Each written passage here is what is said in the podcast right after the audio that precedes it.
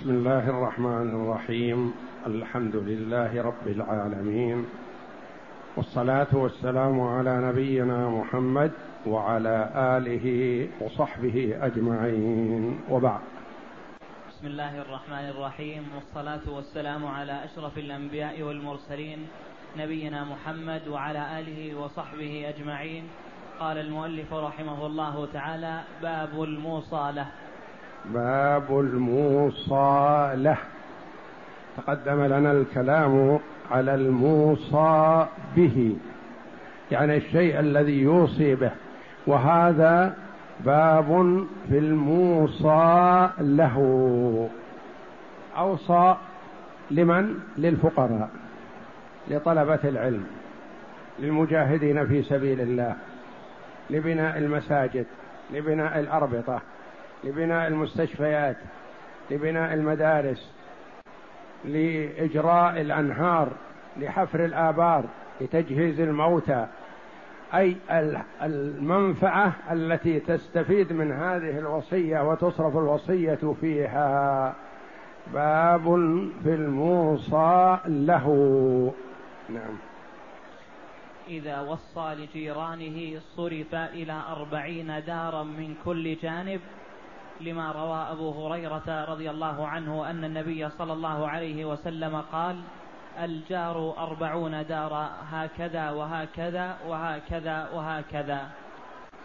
إذا وصى لجيرانه شمل غنيهم وفقيرهم. وصى لصنف من الأصناف تصرف لهم ولا يفرق بين الغني والفقير إلا إذا رد الغني الوصية فلا تلزمه فإذا ردها صرفت إلى صنفه أو من يليه. عبد الرحمن بن عوف رضي الله عنه وصى لأهل بيعة الرضوان لأهل بدر. وممن شملتهم الوصية أمير المؤمنين عثمان بن عفان رضي الله عنه. قيل له وصى لك عبد الرحمن بن عوف؟ تريد؟ قال نعم ذاك مال مبارك مال طاهر مال طيب. فممن نالت الوصية أمير المؤمنين عثمان بن عفان رضي الله عنه وهو غني وهو الذي جهز جيش العسرة وبذل في سبيل الله الأموال الكثيرة رضي الله عنه. وقال النبي صلى الله عليه وسلم لما جهز ما جهز من جيش العسرة قال ما ضر عثمان ما فعل بعد اليوم. يعني يكفيه من الخير والحسنات ما قدم رضي الله عنه وأرضاه. قبل الوصية التي أوصى بها عبد الرحمن بن عوف. إذا وصى لجيرانه قد يرغب المرء أن يوصي لجيرانه رغبة في أن يسامحوه ويدعوا له ويترحمون عليه لأنه ربما يكون أحسن إليهم في حال حياته ويحب أن يواصل الإحسان بعد مماته. أو ربما يكون أساء إليهم أو ظلم أحدا منهم بقصد أو بغير قصد فأحب أن يبذل لهم من ماله حتى لعلهم يسامحوه. وصى لجيرانه من يشمل الجيران؟ أهل القرية كلهم؟ أهل المدينة كلهم؟ قال أربعين بيتا من جميع الجهات. أربعين بيت ينظر إلى بيته حد أربعين بيتا من جهة الشمال من جهة الجنوب من جهة الشرق من جهة الغرب. أربعون وأربعون وأربعون وأربعون. مئة وستون بيتا. لما تحديد الأربعين؟ قال لما روى أبو هريرة رضي الله عنه أن النبي صلى الله عليه وسلم قال الجار أربعون دارا. هكذا وهكذا وهكذا وهكذا. كرر هكذا أربع مرات يعني اشعارا بالجهات. يقول هذا الحديث أخرجه أبو يعلى في مسنده والحديث طرقه ضعيفة. فالحديث فيه مقال لضعف سنده. نعم. وإن أوصى للعلماء فهو لعلماء, للعلماء بالشرع دون غيرهم لأنه لا يطلق هذا الاسم على غيرهم ولا يستحق من يسمع الحديث ولا معرفة له به لأن مجرد سماعه ليس بعلم. إذا أوصى للعلماء نوع. أوصى لطلبة العلم نوع آخر. أوصى للمشتغلين بحفظ كتاب الله. نوع أوصى للمنتسبين إلى مدرسة كذا أو معهد كذا. نوع إذا أوصى للعلماء العلماء عالم الشرع يسمى عالم وفي اللغة عالم الحساب وعالم الهندسة وعالم الطب. يسمى عالم في اللغة لكن في العرف الشرعي ما يطلق كلمة هذا عالم إلا للعالم بالعلم الشرعي. هو الذي قال الله جل وعلا عنه إنما يخشى الله من عباده العلماء العلماء بالله جل وعلا وبشرعه دون غيرهم من أهل العلوم الأخرى ما يشملهم. لأنه لا يطلق هذا الاسم على غيرهم. ولا يستحق من يسمع الحديث ولا معرفة له به. يعني يقرأ الحديث لكن ما عنده معرفة. ما عنده فقه في الحديث. هذا ما يشمله العلماء وإن شمله الاشتغال بالحديث لكن ما يشمله كلمة العلماء.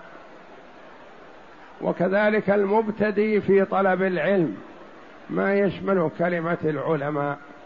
وإذا قال للمشتغلين بطلب العلم شمل كل من ينتسب إلى طلب العلم. وإذا قال للمشتغلين بحفظ كتاب الله شملهم كذلك كل من اشتغل بحفظ كتاب الله. وإذا قال لطلبة العلم بالمعهد العلمي أو بدار الحديث أو بالجامعة الإسلامية أو جامعة أم القرى أو جامعة الإمام شمل من سمى دون غيرهم. ولا يقال ما دام أنه قال للجامعة الإسلامية فهو يقصد العلماء فنعطي غيرهم من طلبة العلم في المسجد الحرام أو في المسجد النبوي لا يقال هو خصص هذه الجهة لأن مجرد سماع الحديث ما يعتبر المرء عالم لأن الحلقة يحضرها الكثير.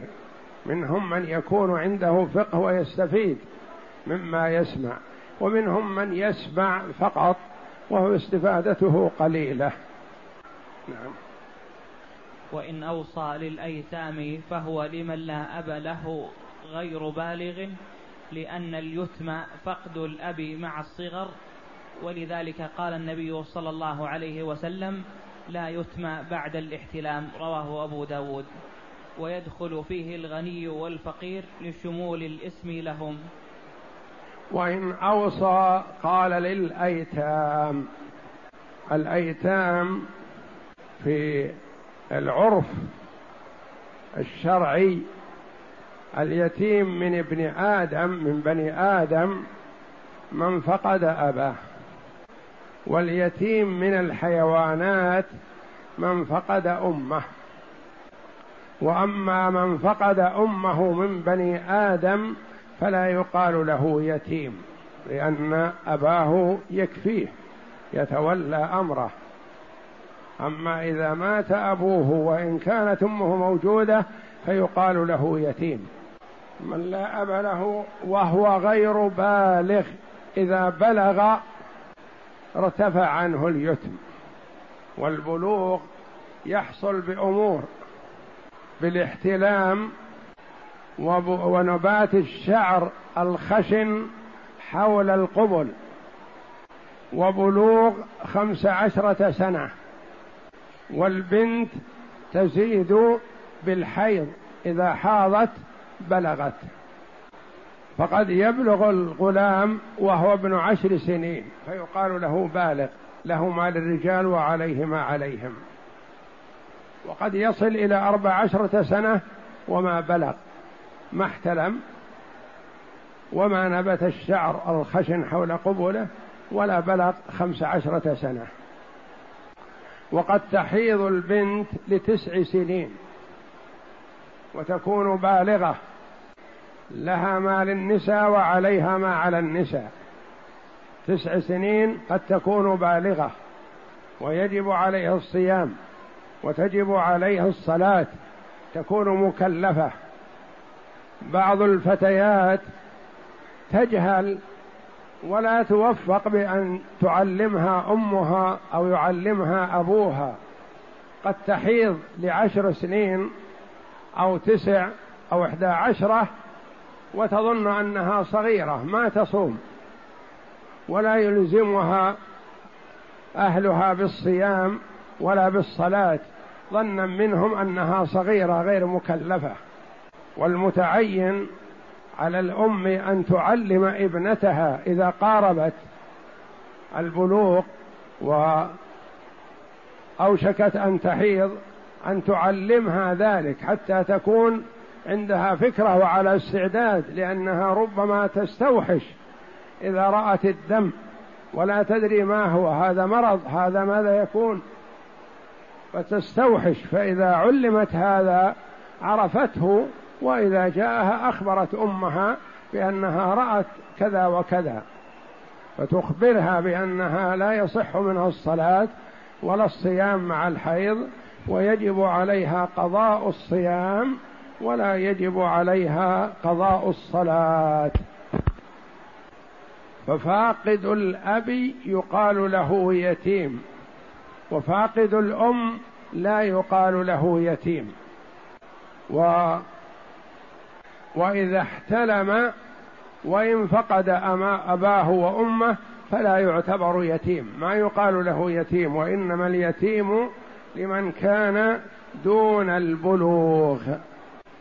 والإمام الشافعي رحمه الله يقول رأيت جدة لها إحدى وعشرون سنة.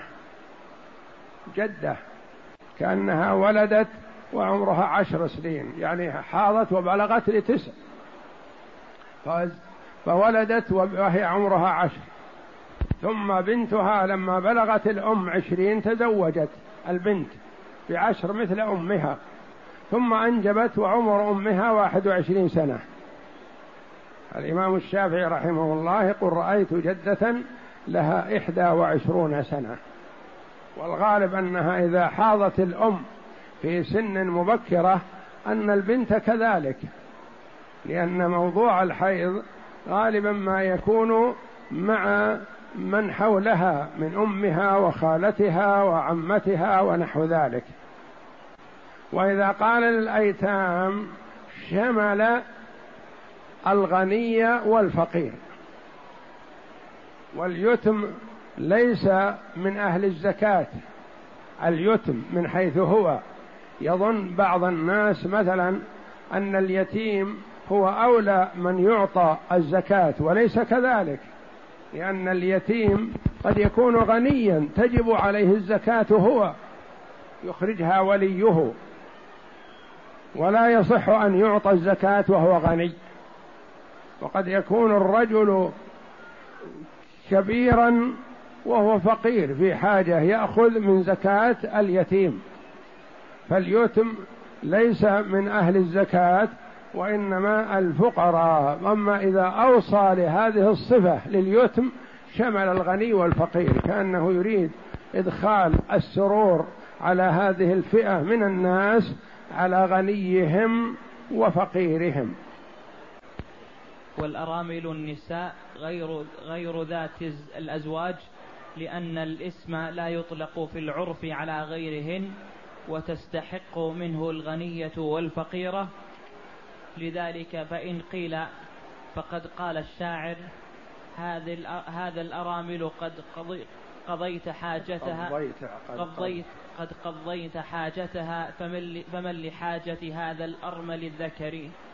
فمسمى الذكر أرملا فسمى الذكر أرملا قلنا هذا البيت حجة لنا فإنه لم يدخل الذكور في لفظ الأرامل إذ لو دخلوا لكان الضمير ضمير الذكور فإنه متى اجتمع المذكر والمؤنث غلب ضمير التذكير. فإنما سمى نفسه أرملا تجوزا ولذلك وصفه بأنه بك ولذلك وصفه بكونه ذكرا. وإذا أوصى للأرامل قال ها يخرج ربع مالي أو خمسه أو سدسه أو ثلثه للأرامل. الأرامل يشمل المرأة غير ذات الزوج. فالاسم هذا كلمة الأرامل يطلق عليها سواء كانت تزوجت وتوفي عنها زوجها أو طلقها أو لم تتزوج بعد. إذا قال أرملة يعني ليس عندها زوج. لأن الاسم لا يطلق في العرف على غيرهن. ما يطلق على غير الأرامل التي فقدنا أزواجهن أو لم يتزوجن وتستحق منه الغنية والفقيرة. إذا قال يصرف ريع هذا على الأرامل تعطى منه الأرملة الغنية والأرملة الفقيرة. ولا يقال هذه أرملة غنية ليست من أهل. الوصية بل الوصية تشمل الغني والفقير. وتستحق منه الغنية والفقير لذلك فإن قيل فقد قال الشاعر هذه الأرامل قد قضيت حاجتها فمن لحاجة هذا الأرمل الذكري هذا البيت قاله الشاعر لعمر بن عبد العزيز رضي الله عنه ورحمه لأن عمر بن عبد العزيز أتاه الشعراء يريدون أن يمدحوه لينالوا من عطائه فأبى أن يدخلهم. وانصرفوا.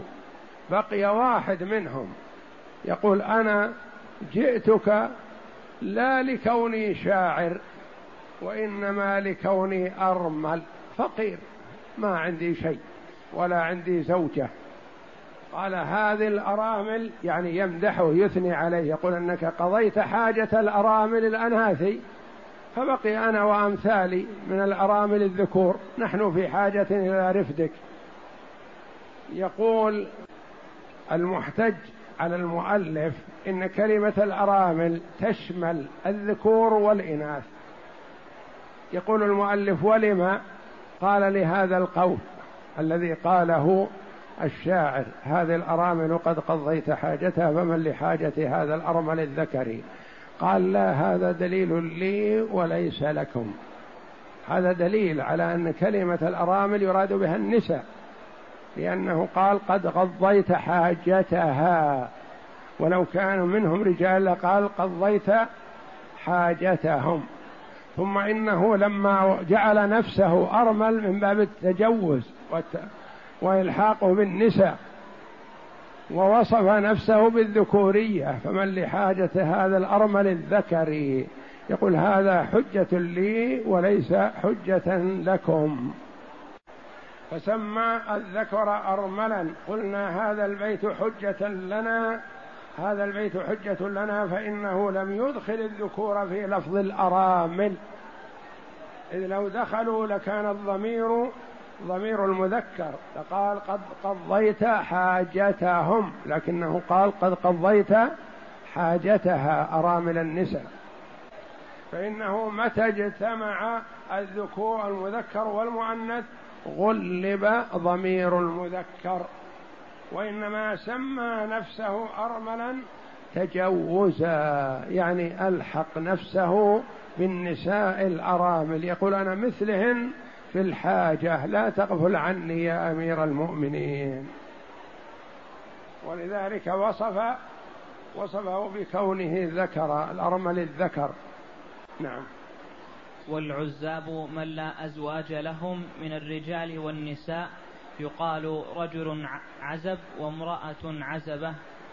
والأي والعزاب يعني إذا قال هذا للعزاب الوصية تصرف ريعها في العزاب. العزاب يشمل من لا زوج له من ذكر وأنثى. يقال للرجل هذا عزب إذا لم يكن عنده امرأة. ويقال للمرأة هذه عزبة. لمن ليس عندها زوج عزبة. والاصطلاح العرفي يجعلونها للمرأة المطلقة أو المتوفى عنها. ولا يلزم هذا أن تكون تزوجت من قبل. إذا لم يكن عندها زوج فيقال لها عزبة. يعني لا زوج عندها وإن كانت بكرا. والأيام مثل والأيام, والأيام مثل العزاب سواء. قال الشاعر فإن تنكح إنكح إنكح وإن تتأيمي وإن كنت أفتى منكم أتأيم. والأيام مثل العزاب. والله جل وعلا يقول وأنكحوا الأيام منكم الصالحين من عبادكم وإمائكم. الأيام هم الرجال والنساء الذين لا أزواج عندهم مثل العزب والعزبة. مثل العزاب سواء. قال الشاعر فإن تنكحي أن أنكح وإن تتأيمي وإن كنت أفتى منكم أتأيم. يقول كأنه له نظر فيها وله رغبة فيها ويقول ما أتزوج أبدا وأنت ما تزوجت. فإن تزوجت تزوجت أنا.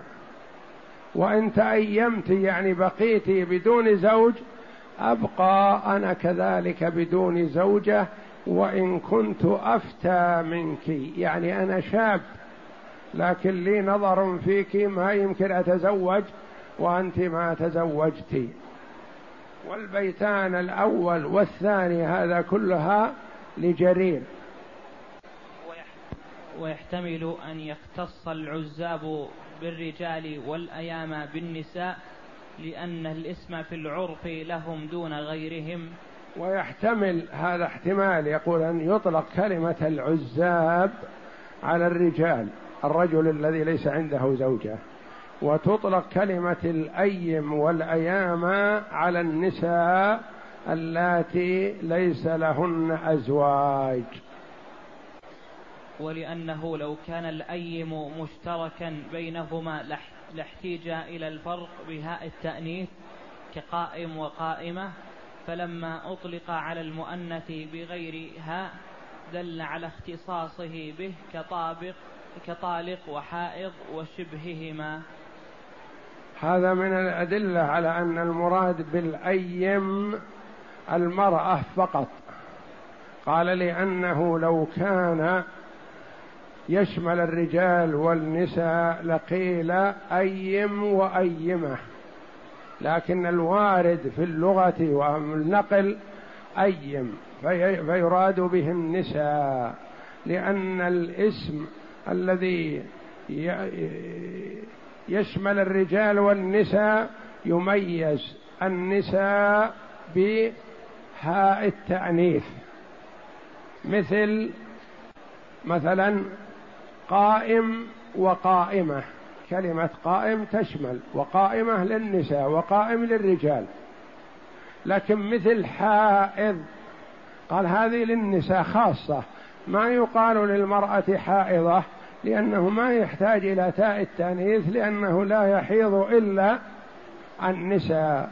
وطاهرة من الحيض مثلا يقال هي طاهر يقال طاهر. طاهر من الحيض يعني. ويقال هذه امرأة طالق. طالق ما تحتاج إلى كلمة التأنيث. لأن كلمة طالق للنساء ما يقال هذا رجل طالق وإنما يقال مطلق للرجل. وللمرأة يقال طالق ولا يحتاج إلى طالقة. ويقال امرأة حائض ولا يقال امرأة حائضة لأن كلمة حائض ما تشمل ما يراد بها إلا النساء فقط. فما كان الاسم للرجال والنساء يميز النساء بالتاء وهاء التأنيث وما كان الاسم للنساء فما يحتاج إلى تمييزه ولهذا يقول يحتمل أن يكون كلمة أيم للنساء فقط لأنها ما تطلق على الرجال. والله أعلم وصلى الله وسلم وبارك على عبده ورسول نبينا محمد وعلى آله وصحبه أجمعين.